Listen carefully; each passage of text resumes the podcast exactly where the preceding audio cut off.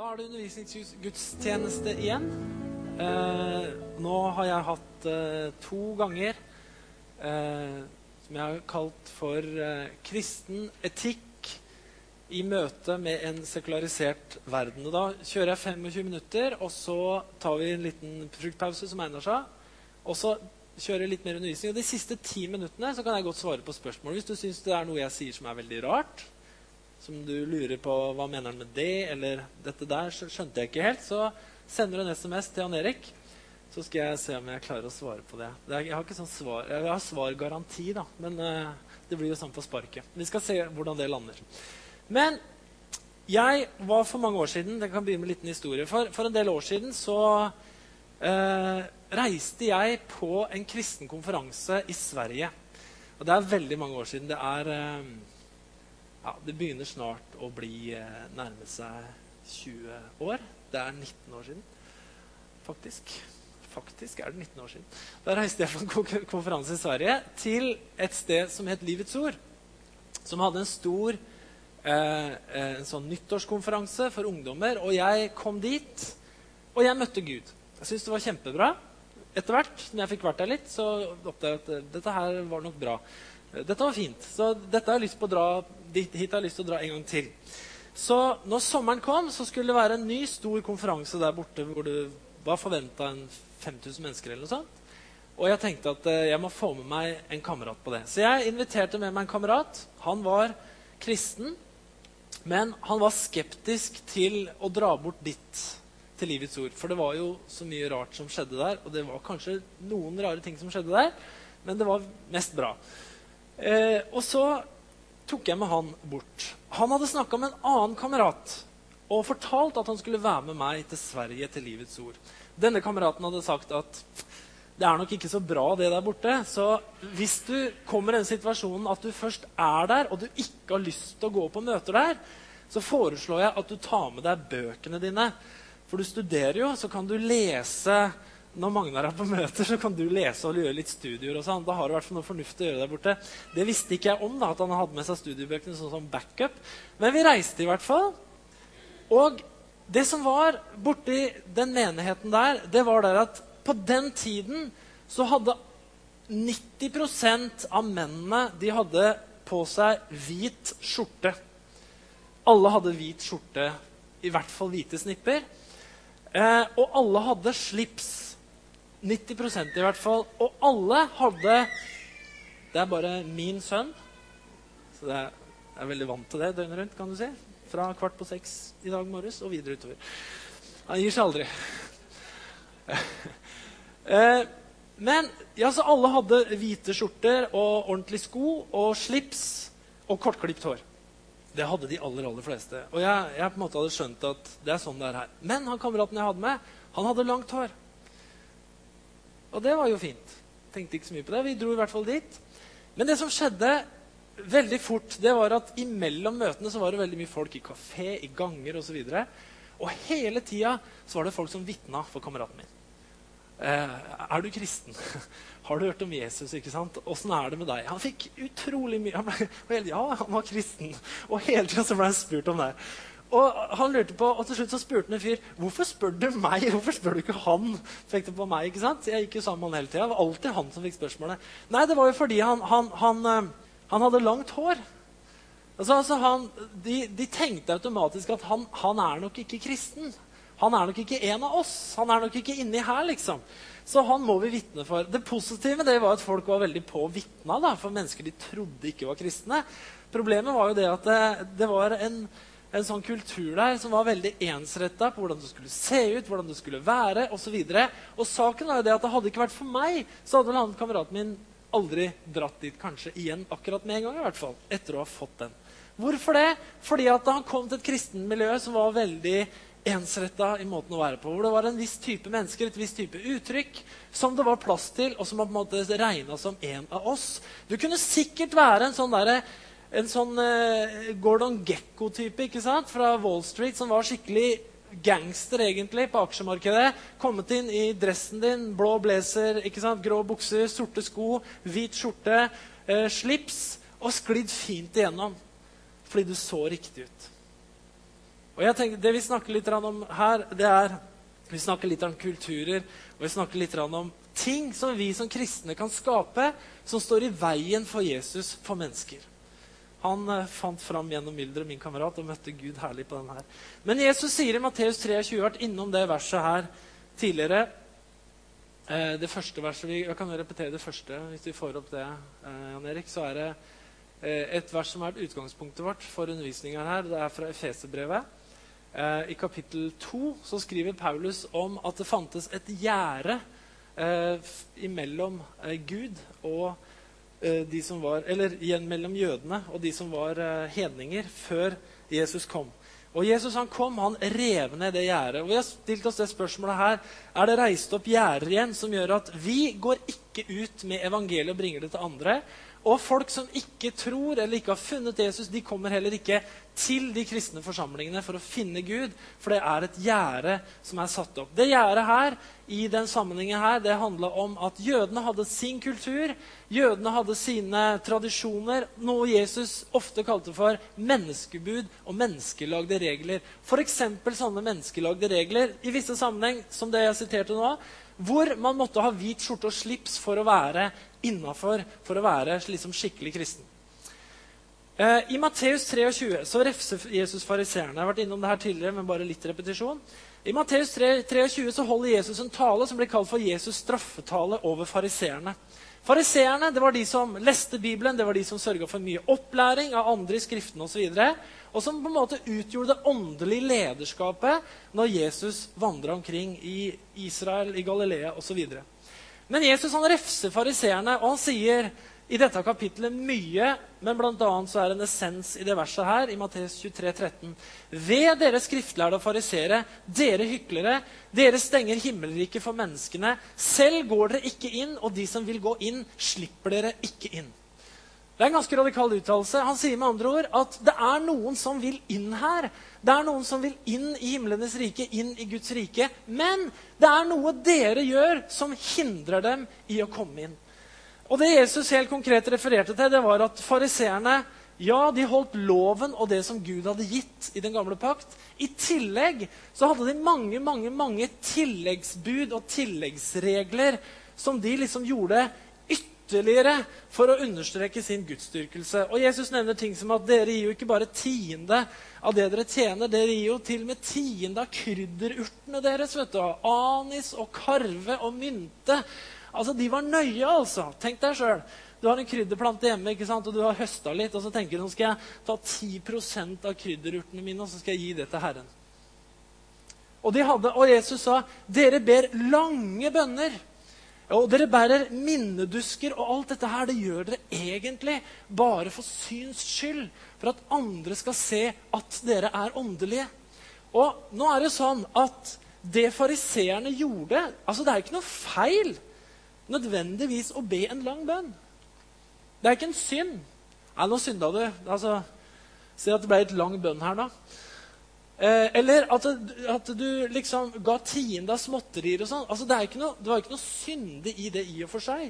Problemet var bare det at fariseerne seg imellom så hadde de utvikla det her som en sånn intern kultur, hvor de hadde noen mange regler som de måtte gjøre i tillegg for å vise seg åndelige for omgivelsene. Og for omgivelsene så blei det noe at det her kommer vi aldri til å strekke oss opp til. Det her kommer jeg aldri til å klare. Jeg kommer aldri til å klare å be så lange bønner. Jeg kommer aldri liksom til å klare å liksom huske på det og skal gi tiende av mynte og anis og karve. og alt Det her, ikke sant? Det her blir et stengsel et tillegg som blir satt opp av fariseerne, som gjør det vanskelig for mennesker å komme til Gud. Og budskapet til fariseerne gjennom sine gjerninger det var her Hit kan du egentlig aldri nå opp. Så langt kommer du aldri til å klare å komme som det vi kommer. Så du kan egentlig bare gi opp med en gang. Og så blei fariserkulturen ble en intern kultur hvor de bare egentlig bekrefta hverandres åndelighet. Skjønner du hva jeg mener? Og Det var vanskelig for folk å komme inn der. Så kommer Jesus. Han ber ikke lange bønner, han går ikke med minnedusker. Han gir kanskje ikke tiende av mynte og anis og karve. ikke sant? Og han bare åpner døra for helt vanlige folk som har lyst til å høre på Jesus. Som har lyst til å høre hva han har å si, osv. Han åpna favnen for menneskene.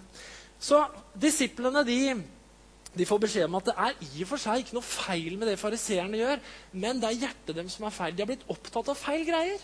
De har egentlig ikke blitt opptatt av å føre mennesker til Gud og åpne Guds rike. De har blitt opptatt av å bare bevare en sånn intern kultur. Og vet du hva? Det tror jeg, det er min påstand etter å ha levd nå ganske lenge og sett mye i kristenheten. Mange kristne menigheter fungerer fordi, på en måte hvor man bare er opptatt av å bekrefte seg sjøl. Min svigermor det kan jeg fortelle noen historier, for den er så gammel. Min svigermor, eh, en herlig dame, hun lever fortsatt og er i Spania akkurat nå. Hun bodde 20 år, eh, Katrins familie bodde 20 år i Sverige. Og Svigerfar han var, han var veldig rik. Han tjente masse penger og hadde mange fine ting. Hadde kjempestort hus og hadde hest og hadde eh, drev med shipping og hadde hoteller rundt omkring i verden. Var med på eiendomsprosjekter. Casha flunka ny Jaguar, casha flunka ny cabincruiser på 35 fot. De hadde masse den gangen. Og Så flytta de fra Gøteborg, hvor de var med i en sånn overklassemiljø, til Tønsberg. Og svigermor hun hadde da gjennom alle de åra der i det miljøet hvor hun hadde vært, så hadde hun hun gikk med svære øredobber, masse sminke, tupert hår, tørklær i håret, fine klær, neglelakk, ringer, bling, bling, holdt jeg på å si. Ikke sant? Den stilen hadde hun, da. Så kom hun inn i en menighet her i byen. Hvor det var diskusjonen om er det lov å bruke sminke. Svigermor brukte virkelig sminke. Brukte all sminke du kan bruke. Rouge, maskara, øyeskygge, leppestift, whatever. Det passa bare ikke inn. Bare kjente liksom Hva er det der for noe? Jeg skal ikke beskylde Ofte er det sånn at damene fordømmer, og gubbene går sånn. Jeg vet ikke om det var sånn. Det passa jo bare ikke inn. Det blei liksom bare too much. Og sånn kan det ofte være i menigheter hvor ting blir bare en sånn liten selvforsterkende greie. En selvbekreftende miljø. Hvor det blir veldig vanskelig for andre mennesker å komme inn. For det er ikke bare Jesus det handler om. Det handler om vår kultur, det handler om vår greie, det handler om hvordan vi skal se ut, osv. osv. Fariseerne hadde utvikla en sånn snever etisk moralverden hvor alt egentlig hadde som oppgave å virke selvbekreftende. Eh, jeg har lyst til å snakke litt om eh, omvendelse. Når jeg sier hvis jeg siterer det her fra Bibelen, hvor det står, det står flere ganger, hvor det sies Omvend dere. Omvend dere. Hva er det første du i ditt stille sinn tenker på da? Jeg hører at det er stille sinn her nå. Omvend dere.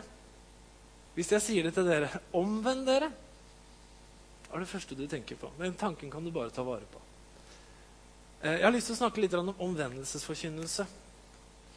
Eh, for hva, hva, slags budskap handler egentlig omvendelsesforkynnelse om?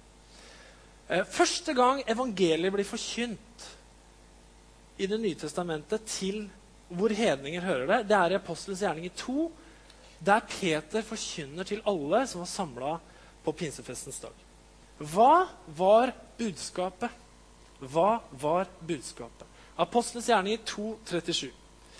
Det står nemlig sånn her da de hørte, Peter har forkynt lenge nå. og så står det, Da de hørte dette, stakk det dem i hjertet, og da, da sa de til Peter og de andre apostlene.: Hva skal vi gjøre, brødre?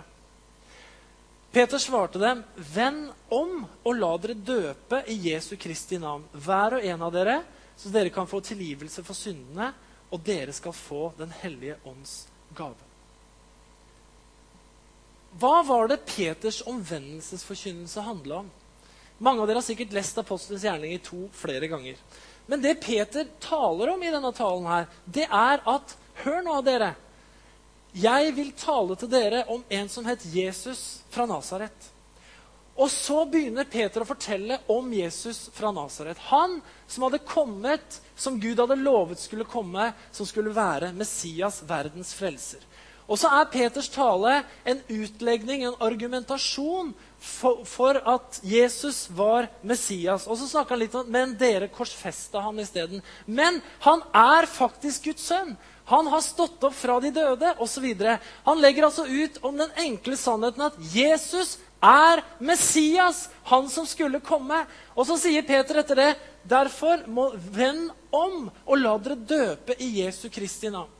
Det Peter snakker om i denne omvendelsesforkynnelsen, det er vend om og begynn å tro at Jesus er Guds sønn.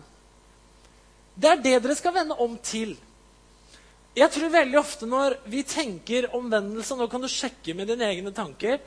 Uh, ut fra spørsmålet jeg akkurat spurte, så tenker vi at omvendelsesforkynnelse det handler først og fremst om å få folk til å vende om fra en dårlig moral til en bedre moral. Er det noen som har vært inne på den tanken? At omvendelsesforkynnelse handler om å få folk til å vende om fra onde handlinger til gode handlinger. Fra en dårlig moral til en bedre moral. Det tenker vi ofte er omvendelsesforkynnelse. Men det var ikke det Peter forkynte. Det han forkynte, var omvend dere og begynn å tro på Jesus. At han er Messias. Det var Peters budskap i denne talen her. Ok? Det å vende om betyr egentlig bare å snu tankene deres. Fatt et annet sinn. Så mens mye kristen omvendelsesforkynnelse ikke har hatt omvendelse som, til Kristus som hovedstrøm, men en omvendelse fra verslig etisk standard til kristen etisk standard. Derfor så tenker vi at De viktigste omvendelsespunktene vi skal forkynne, det er liksom omvendelse fra seksuell utsvevende liv, omvendelse fra rus, omvendelse fra mange ting som er feil, osv. Og, så videre, og, så tenker vi at det skal frelse folk. Det frelser ingen. Det er én måte å bli frelst på, det er å møte Jesus fra Nasaret. Det er ekte kristendom. En liten snutt fra Johannes døperens omvendelsesforkynnelse. Han hadde en ganske kraftig betoning på det med omvendelse. Eh, I Matteus 3, vers 7-9, så står det om døperen Johannes som kom før Jesus. Han talte og hadde et budskap. Det står sånn her I store skarer så dro folk ut for å bli døpt av Johannes, og han sa til dem Her kommer det. Ormeyngel, hvem har lært dere hvordan dere skal slippe unna den kommende vrede? Så bær da frukt som svarer til omvendelsen, og begynn ikke å si til dere selv vi har Abraham til far, for jeg sier dere, Gud kan reise opp barn for Abraham av disse steinene. Øksa ligger allerede ved roten av trærne, og hvert tre som ikke bærer god frukt, blir hogd ned og kastet på ilden. Han var ganske drastisk i sine ordvalg. Store skarer dro ut for å bli døpt av Johannes, og han sa til dem, 'Ormyngel, hvem har lært dere at, hvordan dere skal slippe unna kommende vrede?' Og bær frukt som er omvendelsen verdig. Med andre ord så snakker eh, Vi vet fra andre tekster også at Johannes snakka mye om det her med å vende om. Og da er det to ting som eh, det skal komme tilbake til Det ene, men det ene som er profetert om Johannes når han skulle komme, det var at han skulle vende fedrenes hjerter til barna. Fedrenes hjerter skulle vendes til barna, og barnas hjerter skulle vendes til fedrene. Det var Johannes' oppdrag å gjøre det før Jesus kom. Så sier han at dere skal bære frukt som er omvendelsen verdig, sier Johannes. Med andre ord så sier Johannes at en omvendelse det må skje først. Før dere begynner å bære frukt. Men når dere har vendt om, så vil dere begynne å bære frukt som er omvendelsen verdig. Eh, Johannes' poeng var å si at etter sann omvendelse så er det sånn at man bør være frukt som står i samsvar med at man har gitt sitt liv til Gud. Vi kan ikke regne med at folk på en måte skal leve i samsvar med det som har med Gud og Guds rike å gjøre, før man har vendt om til Jesus. Jeg tror at sann omvendelse gjør noe inni mennesker. Det å finne Jesus det skaper noe inni mennesker som gjør at vi begynner å leve på en annen måte, prioritere på en annen måte. Og Da kan vi tenke på hva var det da hva var det Johannes snakka om når han sier at de skulle bære frukt som var omvendelsen verdig? Hva var det han mente da, egentlig? Helt konkret. Jo, det lurer nemlig folk på også. Eh, for han sier 'bær frukt som er omvendelsen verdig'. Og da tenker folk ja, hva er det han mener da? Hva er det vi skal gjøre da, liksom? Jo, så da kommer de til Johannes, og så spør de om det i Matteus 3, det også, eh, vers 10-14. Så spør folk det spørsmålet her. Ok, hva skal vi da gjøre? spør folk. Skal vi få neste vers eh, videre? Kommer opp Matteus 3,10. Hva skal vi da gjøre? spurte folk. Han svarte, Og her kommer det de skulle gjøre. Her kommer den frukten som de skulle ha, som var omvendelsen verdig. Den som har to kjortler, skal dele med dem som ikke har noen. Og den som har mat, skal gjøre det samme. Det kom også noen tollere for å bli døpt, og de sa til ham, 'Mester, hva skal vi gjøre?' 'Jo, ikke kreve inn mer enn det som er fastsatt', svarte han. Også noen soldater spurte ham, 'Hva skal vi gjøre?' Og til dem sa han, 'Press ikke penger av noen ved vold eller falske anklager, men nøy dere med lønnen deres.' Her er det altså mange mennesker som har hørt at han sier 'bær frukt som er omvendelsen verdig', og så lurer de på hva mener han med det. Hva er liksom han kommer med her nå? Og vet, jeg tenker at det Johannes det han sier at de skal gjøre, det er jo veldig forståelig for alle mennesker. Altså, bli solidariske, og slutt å være korrupte. Er det ikke det han sier? Altså, Hvis du kjenner noen som ikke har klær, så kan du jo gi noen av klærne dine til dem. Det skal dere gjøre. Ja, men, eh, men hvis du kjenner noen som ikke har noe å spise, så synes, da skal dere dele mat med dem. Og dere som er tollere, dere skal slutte å snyte folk. Slutte å, slutte å ljuge. Slutte å suge penger ut av folk. Og dere som er soldater, dere må slutte å klage så fælt. Dere må være fornøyd med lønna deres. Og så må må dere slutte å holde og presse folk gjennom falske anklager og løgn. og sånn. Det er det. Det er de svara som Johannes gir når de spør hva skal vi gjøre. Hva er den frukten du snakker om? Dette er jo veldig praktisk. Hva tenkte du når du hørte Johannes sa det her? Vend om og bær frukt som er omvendelsen verdig. Hva er det første du og jeg tenker på ofte da? Det kan være veldig mye forskjellig, sikkert. Men for Johannes så var det veldig forståelige, praktiske ting. Ok, det er, det er, faktisk, eh, det er faktisk pause allerede. Eh, jeg tenkte når vi går inn i pausen, da kan du bare gå og spise frukt. i og for deg. Men eh, jeg, jeg, jeg er glad i bilder. Så jeg tenkte mens du spiser frukt, eller sånn, så kan du få se en liten sånn der Da skal vi ta oss og fortsette. Har alle fått litt fru frutt i? Forrige, forrige søndag så, så, talte jeg litt om den bortkomne sønn. Det kunne like godt uh, vært historien om den hjemkommende sønn. For han kommer jo hjem igjen til faren sin i Lukas uh, 15. Eh, og bare litt fra den historien så var det sånn at eh, denne sønnen som hadde fått arven sin Han hadde solgt da arven og hadde fått masse penger, og så hadde han reist ut i den store, vide verden.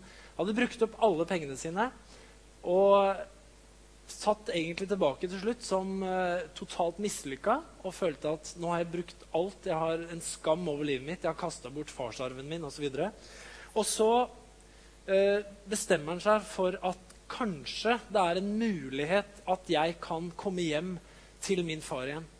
Eh, og når han sitter og tenker på at han kanskje kan ha muligheten til å komme hjem til sin far igjen, så er det én ting som er overveldende sterk i han i den historien, og det er jeg er ikke verdig. Jeg er ikke verdig til å kalles din sønn lenger. Men om jeg kan bli en tjener, så vil jeg gjøre hva som helst bare for å ha mat på bordet og tak over hodet men jeg er ikke verdig. Og han hadde Det var den store angsten i hans liv. Den store skammen var det her å komme hjem med denne mindreverdighetsfølelsen. At han var så elendig. Han var så klar over sin egen elendighet. Han var så klar over sin egen tilkortkommenhet i møte med da, det som egentlig er bildet på Gud. Og så står Gud der. Pappaen hans står og venter på sønnen. Eh, og det står at 'jeg har sett etter deg hver eneste dag', sier faren. 'Jeg har vært ute og sett etter deg hver eneste dag'. Så kommer sønnen er sikkert klar til å avlegge regnskap og stå til ansvar på en måte for det han har vært, og det han har gjort. Men faren han har bare ett budskap til denne sønnen som kommer hjem, og det er 'velkommen hjem'. Han har ikke noe annet budskap til ham. Han, han, har, ingen, han har ingen, ingen, regnskapsbok. Han har ikke noe spørsmål om hva gjorde du med alt det jeg ga deg. Har du sløsa bort alt sammen? Han har ingenting i den samtalen som går ut på det. Hele dialogen går ut på her. 'Jeg er så glad for at du har kommet hjem igjen.' 'Jeg er så glad for at du er hjemme igjen, gutten min.' Og han fikk gjenoppreist sin ære. Han fikk ring på fingeren, han fikk fest, og de begynte å være glade, står det. Det var det han møtte. da. Og Det er et fantastisk bilde på en nådig Gud som ikke er ute etter å slå huet av folk for alt de har vært og alt de har gjort, men han er først og fremst interessert i å si 'velkommen hjem'. Velkommen hjem til faren din. Eh, og jeg tror det er det omvendelsesforkynnelse handler om. For det, det, denne unge mannen som vi da leser om i den historien, han, En dag så bestemte han seg for å gå ut fra farshuset. Han bestemte seg for at jeg må vekk herfra for å få realisert livet mitt og få levd ut det som jeg drømmer om. Og så gikk drømmen i knas. Og så kommer det til et punkt hvor han bestemmer seg for å vende om og snu rundt og gå hjem igjen til pappa. Han er veldig usikker på hvordan han kommer til å bli møtt, men han blir møtt med åpne armer. Og det er det jeg tror mange mennesker har et inntrykk av at det å komme hjem til Gud, eventuelt hvis det er et hjem, så er det med anklagen som de skal møte på alt det ikke har vært, og hvor fæle og hvor syndige de er. Fordi det har vi fortalt verden veldig mye, vi som er kristne. Vi har gitt dem det inntrykket i veldig stor grad. Paulus han er ute og forkynner evangeliet blant hedningene. Det var kallet til Paulus. Han reiste rundt blant folk som ikke hadde hørt eh, evangeliet før, og som ikke var en del av Israel osv. Når Paulus skal summere sin forkynnelse til de eldste i Efesus det er en av de menighetene han har vært, en av de byene han har vært i, en av de byene han har planta menighet i. Og Han tok også farvel med de eldste i Efesus når han var på vei eh, Det var siste gang han møtte dem. Han skulle dø. Han visste han skulle dø.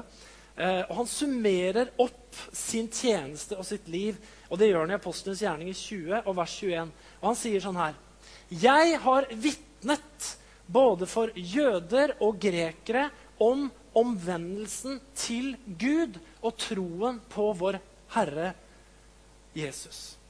Dette er Paulus' oppsummering av sin tjeneste. Jeg har vitna for jøder og grekere om omvendelsen til Gud og troen på vår Herre Jesus Kristus. Og Det er det spørsmålet som han gikk rundt og besvarte. Har det kommet en som het Jesus, som var Messias? Han var Guds sønn. Og Paulus sier et annet sted at han, eh, han eh, ville ikke vite annet av blant dem det skrev til korintermenigheten, enn Jesus Kristus og ham oppstanden. For han sier jøder eh, de søker tegn, grekere de søker visdom. altså Folk er ute etter veldig mange forskjellige ting. Men jeg har forkynt Jesus Kristus og ham oppstanden. Og Jeg refererte til det tidligere her i, i høst eh, når jeg starta å prate litt om det her. At jeg hadde truffet en gruppe menn her i sommer som alle hadde kristen bakgrunn, samme type bakgrunn som jeg hadde og hvor ingen av dem i dag sier at de tror på Gud. Uh, og Vi hadde en, en, lang lang, lang diskusjon på flere timer om hva, hva er det som har skjedd. Hvorfor tror dere ikke lenger, og hvorfor tror jeg? Hva er forskjellen? Hvor falt man fra troen? Og Da viste det seg at det var så mange ting som egentlig ikke hadde noe med Jesus å gjøre, i det hele tatt, som hadde gjort at de falt ifra troen. Det hadde med intern kristen kultur å gjøre. Det hadde med ting de hadde opplevd, situasjoner de hadde opplevd. Ja, ting de burde tatt ansvar for, osv. Men langt utpå kvelden så, så, sier jeg at men alt det vi har snakka om, det handler egentlig ikke om sakens kjerne i det hele tatt. Det eneste evangeliet i bunn og grunn handler om, det er dette ene spørsmålet. Har Jesus levd? Og det vil veldig mange. av. det, det er for drøyt å si nei til. Det er liksom historisk bevist. Og Da er det ett spørsmål igjen. Var han Guds sønn? Døde han, og sto han opp igjen fra de døde? Det er spørsmålet. Og hvis folk tror at Jesus har eksistert, og hvis de tror at han døde Det er ikke så vanskelig å tro. Men at han sto opp igjen Hvis de tror på det og bekjenner det, da sier Bibelen at da skal du bli frelst. Det er det det handler om. Det er bare det det handler om. Å vende om i troen til Jesus Kristus. Hva er det Paulus sier? Jeg har vitna for jøder og grekere om omvendelsen til Gud, om troen på vår Herre Jesus Kristus. Det er det som er omvendelsesforkynnelse. Omvend dere og tro at Jesus er Guds sønn. Omvend deg og tro det. Bare ta det imot. Ja, men så tenker vi det blir vel litt for lettvint. Det blir vel litt for enkelt. Altså, det er ikke liksom bare å vende om og liksom bare tro på det. Det må, jo liksom, det må jo skje noe mer. Man må jo vende om fra masse ting også. Ja, men kjære venner Det er her jeg tror verden har fått feil budskap av oss mange ganger. Fordi at hvis vi tror at Jesus lever, Hvis vi tror at Den hellige ånd flytter inn i et menneske ved troen, og vi tror på åndens helliggjørende verk i et menneske, da må vi tro på det. Da må vi tro på det. Sann omvendelse vet du, det er veldig vanskelig for oss å måle. Når jeg, når jeg sier sann omvendelse, så mener jeg at det skjer av hele hjertet. Jeg virkelig jeg, jeg, å, Vet du hva? Jesus lever. Han har stått opp fra de døde. Jeg overgir hele mitt hjerte til det. vet du hva? Da skjer det noe inni et menneske. altså. Det skjer noe inni et menneske.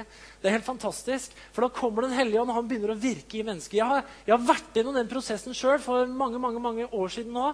Hvor jeg virkelig av hele mitt hjerte sa jeg ønsker å ta troen på alvor. Jesus, jeg må bare erkjenne jeg tror at du lever. Og Da ønsker jeg å følge deg også. Og vet du hva? Da eksploderte det inni her. Og jeg fikk en hunger etter Gud som uh, var uh, umettelig i lang, lang tid. Og jeg, jeg gikk vel på alt jeg kunne gå på av møter, tror jeg. Husker etter at den omvendelsen skjedde i meg, for at jeg sa Jesus, jeg tar deg på alvor. Jeg kunne bare ikke få nok av Gud. Uansett hvor bra eller dårlig møter måtte være, så fikk jeg bare noe ut av alt. Fordi at det handla jo om Jesus. Ikke sant? Jeg liksom sjekka ut alle møter i byen en periode. Jeg på, var på møte fire ganger i uka. Og uansett hva det var, så var det velsigna bra. Det tror jeg er veldig bra. da.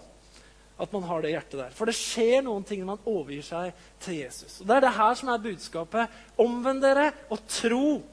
Eh, fordi at, eh, Jeg snakka litt om det tidligere her og nevnte det at vi kategoriserer jo ofte det her å være kristen. Jeg har i hvert fall hørt det en del. Eksempel, eh, vet du, Åssen er med han? Er han kristen? Ja, han er sånn eh, Han er sånn statskirkekristen. Har du hørt det begrepet? Statskirkekristen. Det vil si at han er nok kristen. Han er vel frelst, men det vil si, han er ikke sånn kristen som jeg er. Som er en mer uh, opphøyd måte å være kristen på. For jeg har liksom skjønt litt mer. Vi har mange Er han kristen? Ja, altså Han er jo han er katolikk. Er han kristen? Ja, som, som jeg sier, han er katolikk. Noen er veldig katolikere, holdt jeg på å si. Kan ikke være kristne. Men eh, vet du hva? Det å være kristen det handler om å tro på Jesus, at han døde, at han sto opp igjen, og at jeg ønsker å leve livet mitt for ham. Da er du kristen, uansett hvor du hører hjemme. ikke sant? Men veldig mange ganger altså, så har vi Og det er vi veldig prega av. Eh, jeg har jo en del sånn felleskristne fora her i byen. Eh, med, jeg møter prester og ledere fra alle forskjellige trossamfunn her i byen. Ikke trossamfunn, men kirkesamfunn. Eh, og da er det forskjellige, forskjellige ting som vi kanskje gjør som er felles noen ganger. Og noen sier at dette er ikke helt vår greie, kan du si, å være med på. Det er enkelte prester som sier det. Vi har litt annen form på det vi holder på med. Ja, det har vi også, sier jeg. Men, og det er helt greit med disse forskjellige formene.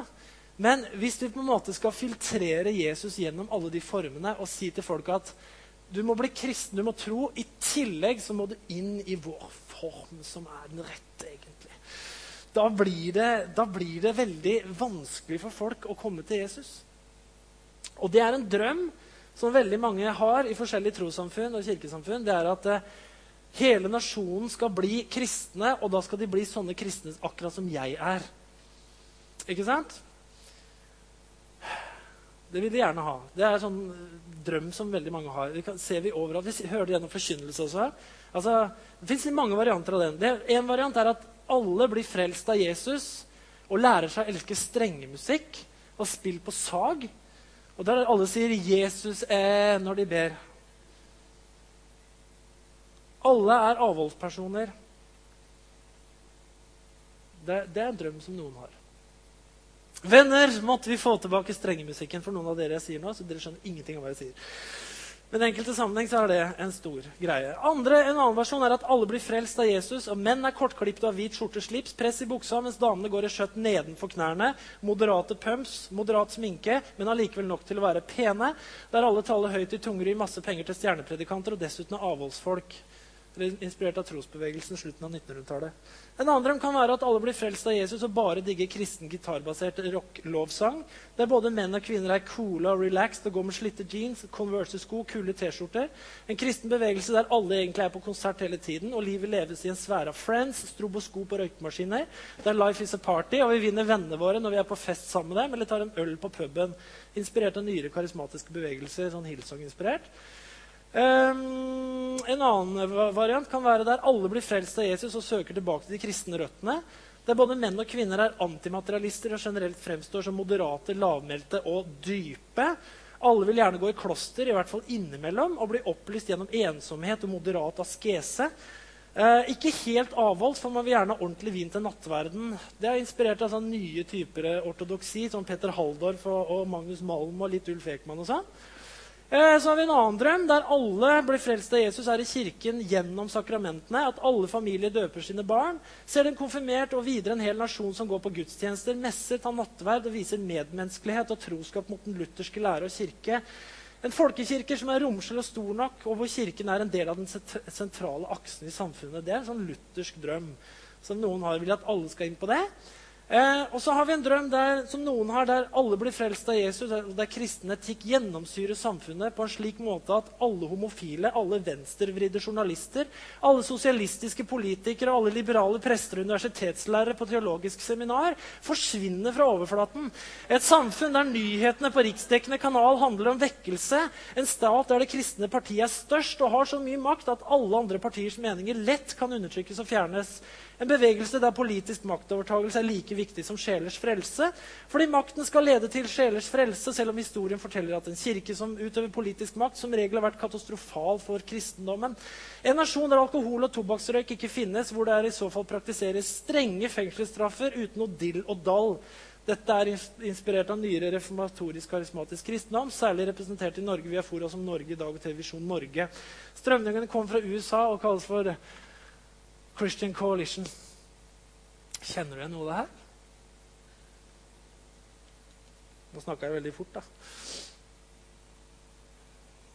Men mange har forskjellige drømmer om hva det vil si at folk skal bli kristne. Men folk er forskjellige. Og det er bare én ting som skal forene og forkynnes når det gjelder omvendelse, og det handler om troen på Jesus Kristus. Det er det det handler om. Og så tror vi det at frukt kommer ut av livet til de som vil vende om i troen på Han.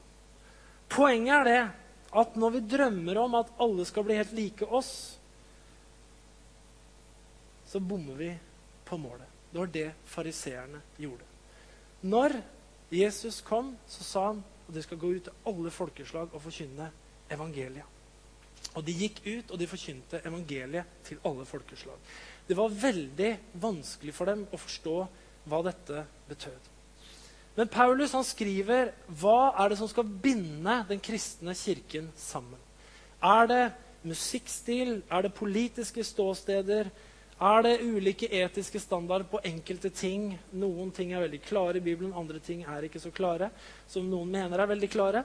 Men hva er det som skal binde kirken sammen? Hva er det som er limet i menigheten? Hva er det som skal binde oss sammen? Er det hvite skjorter og kortklipt hår, eller er det noe annet som skal binde oss sammen? Jeg ser ingen hvite skjorter og slips her i dag, forresten. Uh, hva er det som skal binde oss sammen? Jo, I Fesebrevet 4.1-6 så sier Paulus sånn her. Han formaner menigheten og sier Så formaner jeg dere, jeg som er fange for Herrens skyld. Han sitter i fengsel. At dere lever et liv som er verdig det kall dere har fått. Ok, Hva vil det si å leve et verdig liv i forhold til det kallet vi har fått? Jo, i mildhet, i ydmykhet og storsinn, så dere bærer over med hverandre i kjærlighet. Sett alt inn på å bevare åndens enhet i den fred som binder sammen. Én kropp, én ånd, slik dere fikk ett håp da dere ble kalt. Én Herre, én tro, én dåp, én Gud og alles far. Han som er over alle, gjennom alle og i alle. Amen. Dette her er det som vi skal legge vind på. altså. Mildhet, ydmykhet, storsinn bær over med hverandre. Og vet du hva? Det trenger vi å være overfor andre kristne. For Jesus sier sånn her Verden De skal tro at Gud har sendt meg, når de ser at dere er ett.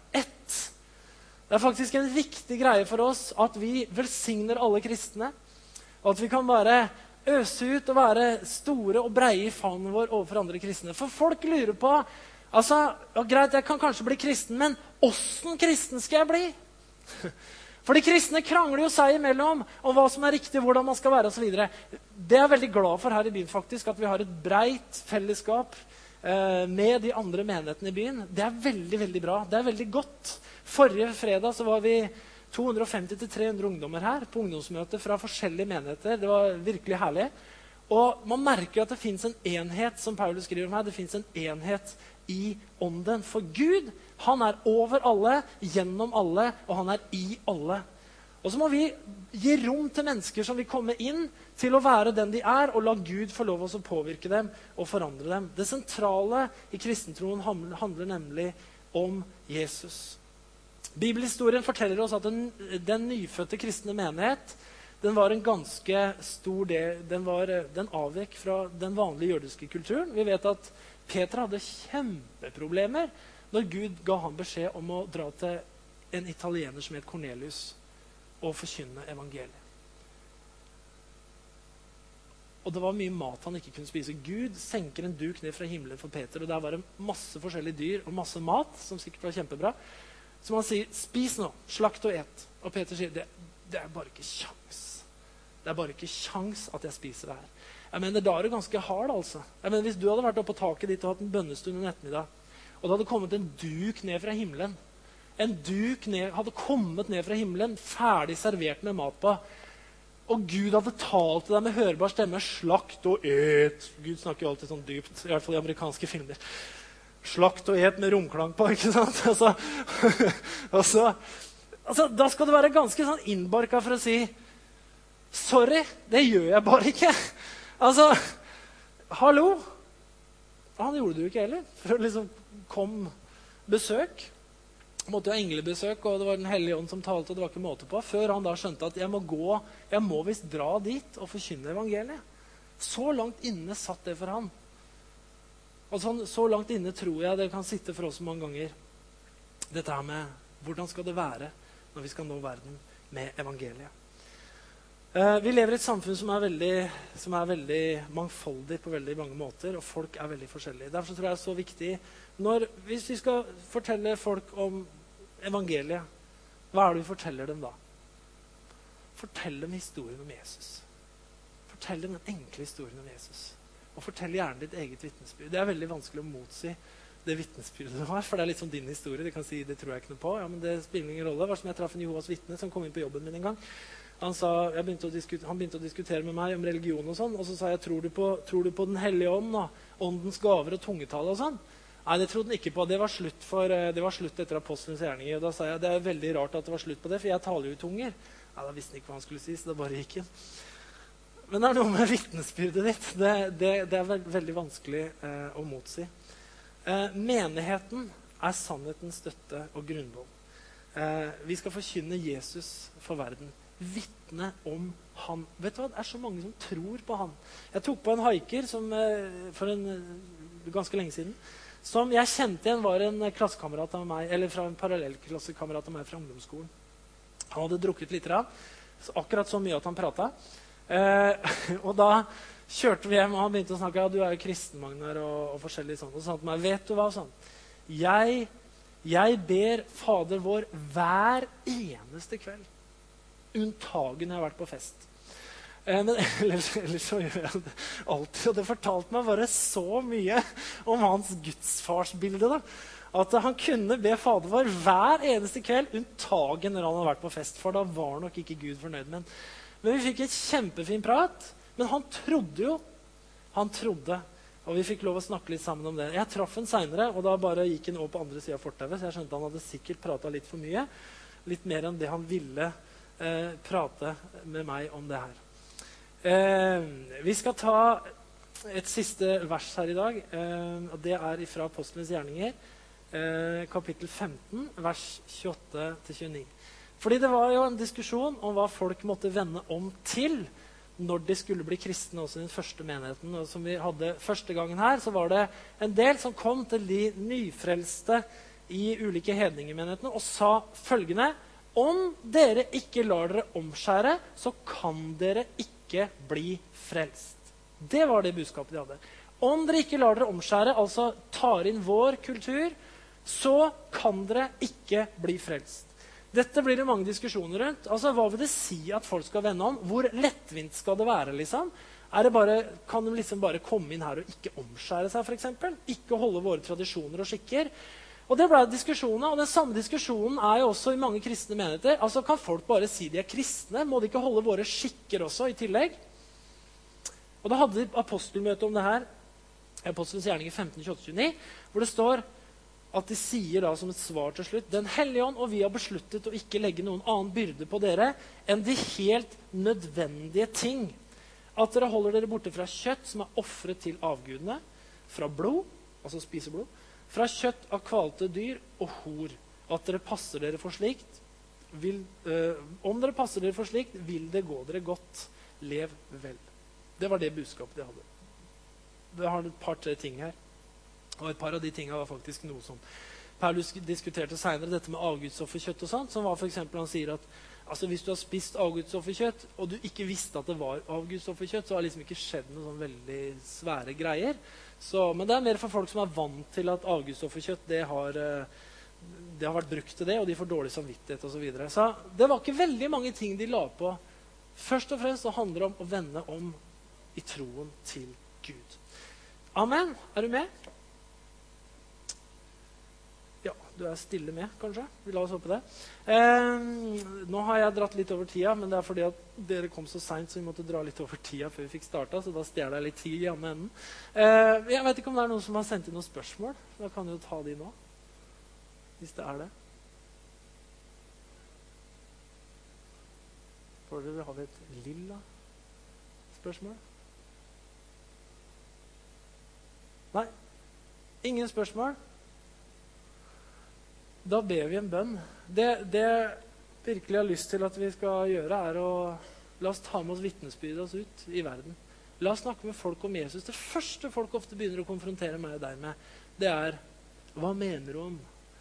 Og så er det en hel mange, mange, mange, mange ting som vi må på en måte stå til rette for alt som har vært skrevet i avisene de siste 30 år. Nå er det liksom jeg var på trening her om dagen, og det var en som begynte å kalle meg for Gelius. Og da kjente jeg, Særlig etter denne uka så tenkte jeg det vil jeg ikke bli kalt.